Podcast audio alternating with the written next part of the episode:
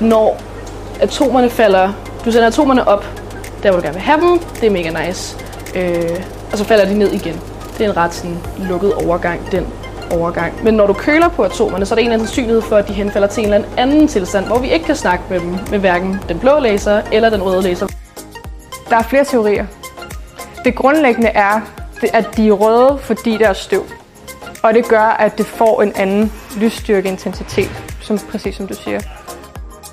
Så hej, jeg hedder Noran. Jeg har været øh, studerende her i den her gruppe, hvor jeg har lavet lidt projekt.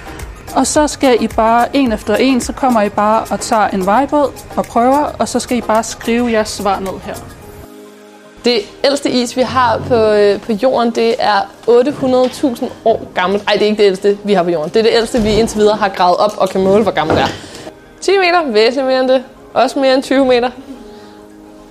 Det er sådan, at hvis vi smelter Grønland, så får vi en havniveaustigning på cirka 7 meter.